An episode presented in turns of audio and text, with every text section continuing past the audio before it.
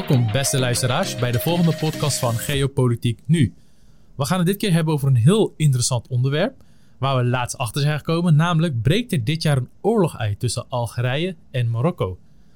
Dus we denken, hè, dat zijn toch twee buren in Noord-Afrika met veel gelijkenissen? Ja, dat dacht ik zelf ook. Maar naarmate wij beide meer onderzoek naar deden, natuurlijk als voorbereiding voor dit podcast, kwamen we achter van, oh, de kans is best wel groot dat er een oorlog of een conflict uitbreekt. Ja, voordat we even de diepte ingaan, wil ik jullie ja, kennis maken met deze nieuwe format van uh, Geopolitiek Nu. Normaal zijn jullie van ons bekend dat wij de wat langere podcasten behandelen, van drie kwartier tot een uur, waar we echt de diepte ingaan en ook alle nuances in aanbrengen. Alleen we hebben begrepen dat voor veel luisteraars of de aandachtspannen er niet voor is, of de tijd, kan ook. Uh, en voor jullie hebben we dan speciaal ook deze 10 minuten durende podcasten gemaakt. Ongeveer 10 minuten durende podcasten. Waarbij wij gaan proberen hem zo ja, kort en bondig mogelijk de belangrijkste elementen van zo'n conflict uit te leggen. Uh, er is natuurlijk dan minder sprake van waar we echt de diepte in gaan. En de nuance kan er echt niet in worden gebracht. Wat in elk geopolitiek spel aanwezig is. Maar de bedoeling is dat jullie in ieder geval weten van wat er speelt. En dat jullie interesse wordt gewekt. En mochten jullie na zo'n 10 minuten durende podcast hebben van... Oh, ik vind het echt interessant. En we hopen dat bij elk onderwerp dat zal zijn. Ja, graag. We nodigen jullie graag uit om dan de gehele podcast te luisteren. Um, ja, het is dan maar drie kwartier langer, maar dan weet je wat meer wat er speelt. Zeker. Ja. Nou, als we dan kijken naar het onderwerp van vandaag, breekt er dit jaar een oorlog uit tussen Algerije en Marokko. Wat mij opviel is dat er een week tot twee weken geleden was er een, een Afrikaans voetbaltoernooi in Algerije, de African League of Nations. Waarbij ja, Afrikaanse voetbalclubs, de landenclubs, met elkaar in competitie zijn. En Marokko was uitgesloten van het voetbaltoernooi. Er is namelijk al lange tijd uh, sprake van dat Marokko niet een directe vluchtverbinding heeft met Algerije, terwijl ze ja, buren van elkaar zijn. En daardoor kon ja, Marokko niet meedoen. En dat heeft dus voor heel veel ja, wrijving gezorgd. Dus zover zelfs dat je het in sport terugziet.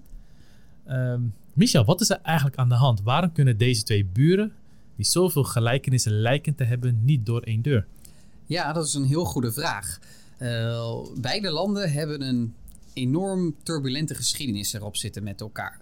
Heeft er uiteindelijk in geresulteerd dat in 1994 de landsgrenzen tussen Algerije en Marokko afgesloten zijn.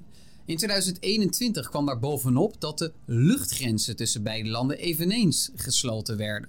Wat dus betekent dat over land je al niet van het ene naar het andere land kon. En dat je vanaf 2021 ook niet meer door de lucht van het ene naar het andere land kan.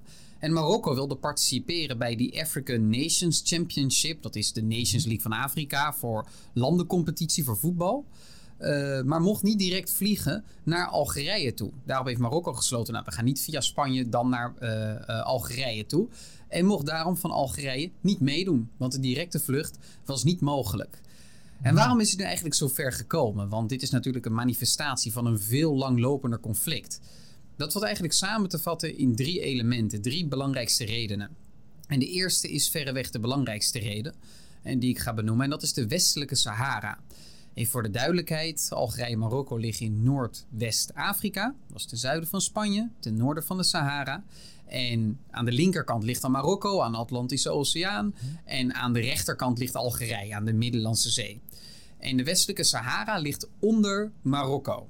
En de westelijke Sahara, daar was eigenlijk Spanje uh, de kolonisator van tot 1975.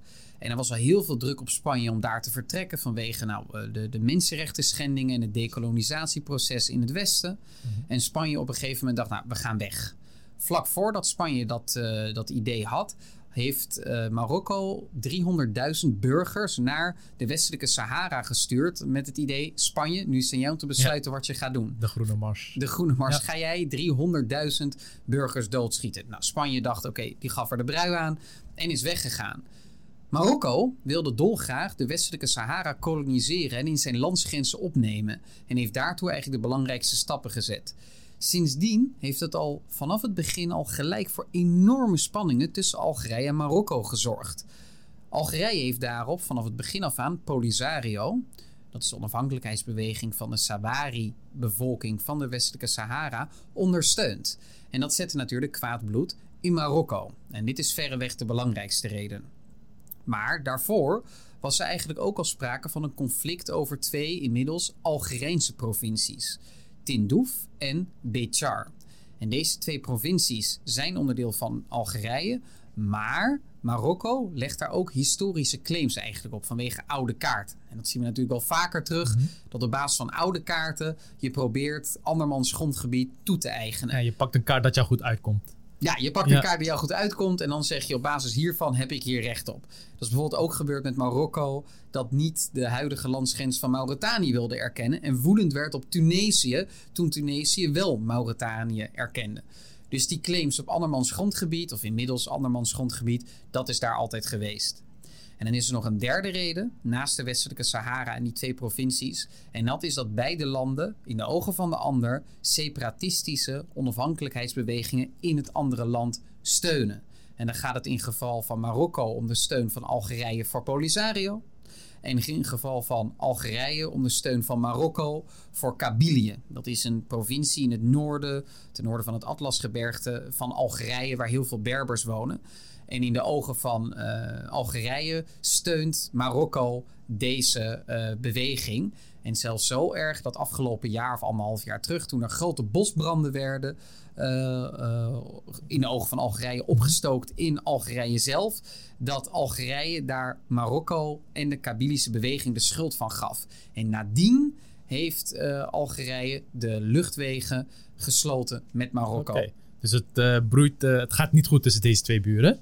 Ja, over echt de eh, achterliggende redenen gaan we in de grote podcast verder over. Van waarom wil Marokko zo graag Westelijk Sahara hebben? Waarom wil Algerije zo graag toegang tot Westelijk Sahara? Als je even de kaart erbij pakt, of degene die goed zijn in topografie, zijn ze niet echt zo heel dicht bij elkaar.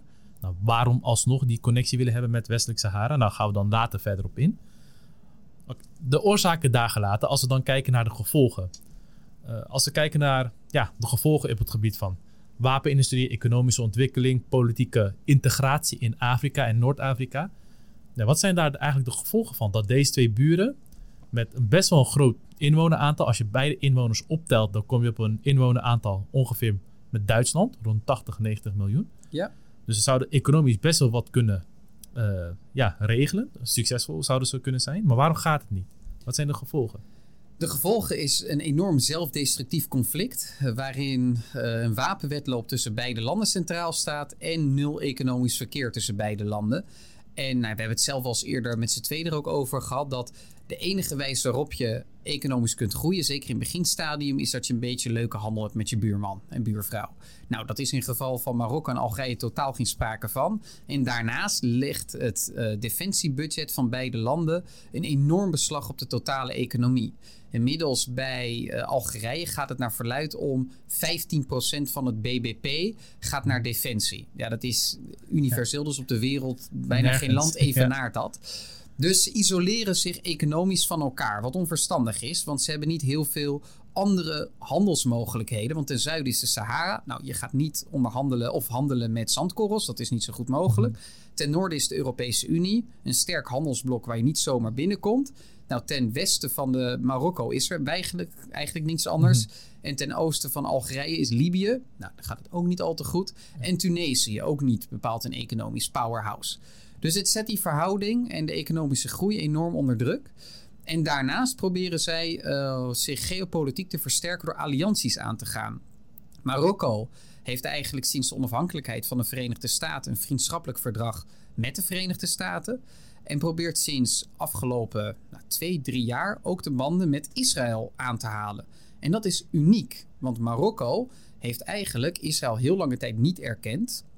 En heel veel mensen weten ook dat er heel veel kritiek is bij Marokkaanse gemeenschappen en in Marokko Ja. zelf op het bestaan van de Joodse staat van Israël. Dat zie je bij Marokko en ook in de diaspora. Zie je het heel duidelijk eh, in terug. Enorm. Ja. Ja. enorm. Maar inmiddels proberen zij dus hechtere banden aan te halen. Zelfs zo erg dat eh, Israël en de Verenigde Staten de westelijke Sahara erkend hebben. Twee jaar geleden in het staartje van het termijn van Trump. Of drie jaar Van geleden de ongeveer. Abraham-akkoorden. Bra- Abraham-akkoorden. Dat Marokko formele banden met eh, Israël gestart heeft. Dat in ruil daarvoor Israël, eh, Marokko natuurlijk, eh, Israël steunt in VN-verband. Dat Marokko, dat Israël Marokko wapentechnologie geeft, inlichtingen geeft. ook Pegasus, dat, dat is een inlichtinginfrastructuur om af te luisteren. Maar ook helpt bij de exploratie naar gas in, voor de kust van de westelijke Sahara. Algerije daarentegen heeft van oudsher hechtere banden met de Sovjet-Unie en heeft een gigantisch Sovjet-wapenarsenaal. Afgelopen jaren is Algerije, met name sinds vorig jaar, erachter gekomen dat westerse wapens toch wel superieur Zie zijn. in Oekraïne heel duidelijk. Zie in Oekraïne met name terug. Door de gigantisch gestegen gas- en olieprijs is het budget van Algerije behoorlijk omhoog gegaan. In plaats van 10, 15, 20 miljard kregen zij 50 miljard per jaar binnen. Dollar, trouwens 50 miljard Ja. dollar aan olie- en gasinkomsten.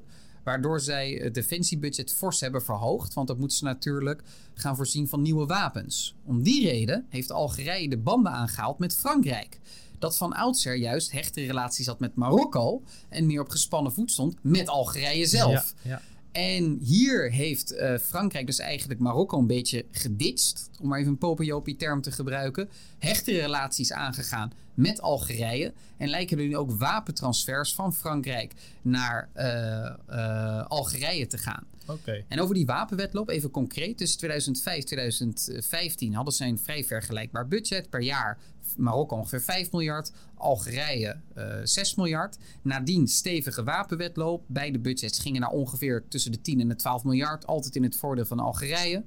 Sinds dit jaar gaat Algerije ongeveer 23 à 24 miljard dollar per jaar besteden aan defensie. Dit tempo kan Marokko totaal Nee. niet bijbenen. En dat noopt Marokko dus tot meer creativiteit. En probeert alle instrumenten eigenlijk in te zetten om andere landen aan zich te binden. Denk aan migratie. Dus het niet neem, eh, terugnemen van, uitgezette, eh, van eh, uitgeprocedeerde asielzoekers in Europa. Om eigenlijk Europese landen zoals Nederland onder druk te zetten, zich niet met de westelijke Sahara te bemoeien, niet met de Berberbevolking te bemoeien en ook wapens te verstrekken aan Marokko. Algerije probeert het natuurlijk via gas en olie Inderdaad. en dreigt, ja, en Ja. dreigde Frankrijk. Eh, oh, en Spanje, nee, ik, ik bedoel eigenlijk Spanje probeerde, Ja. eh, dreigde eh, Spanje af te sluiten van gas. Toen Spanje Polisario-leider gesteund had in Madrid. Mhm. En op een gegeven moment toch erkende dat de westelijke Sahara onder Marokkaanse heerschappij diende te vallen. En dat viel natuurlijk niet in goede aarde bij Algerije. En daarom had Algerije gedreigd met het stopzetten van gasleveringen aan Spanje. Ja, dus je ziet dat het geopolitieke olieflexie steeds verder uitbreidt. Ja. Eh, voordat we de detail laten we voor de podcast, ik wil toch kort in op identiteiten. Ehm, ik zou kijken, als ik naar Marokko, ik ben naar Marokko gegaan, ik ben nog nooit naar Algerije vakantie gegaan, maar van wat ik weet, lijken ze heel veel op elkaar. Zijn ja, een gedeelde geschiedenis, islamitisch, berbers, Arabisch geschiedenis. Alleen, ja, wat zijn de verschillen of de eh, opvallendheden als je kijkt naar de identiteiten van Marokko of Algerije? Beide hebben een heel sterke eh, Arabisch georiënteerde cultuur en leiderschap gehad. Terwijl de Berbers de oorspronkelijke bewoners zijn van zowel Algerije als Marokko. Dus heeft een forse Arabisering eigenlijk plaatsgevonden. En ook islamisering van de Soenitische islam. Wat dat betreft lijken die identiteiten best wel op elkaar. Ik moet er wel één ding bij zeggen. Dat Algerije van oudsher toch wat meer invloed heeft gehad van bijvoorbeeld het Byzantijnse Rijk. Heeft ook heel lang onder Ottomaanse heerschappij gestaan. Dat geldt niet voor Marokko, eigenlijk veel kortere tijd. De Abbasiden, dat waren Arabieren die vanaf dat eh, Arabische schiereiland opkwamen.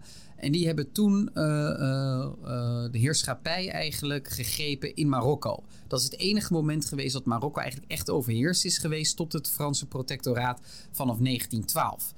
Dus de identiteit is vooral geënt op Berber en Arabische eh, schoeisel. En een mix, denk ik ook. En een mix van beide. Eh, maar er zit hier dus wel een verschil tussen dat ze toch wel gescheiden zijn geweest van elkaar. En dat het huidige koningshuis de macht al heeft van Marokko sinds 1666. Dat is anders dan in Algerije.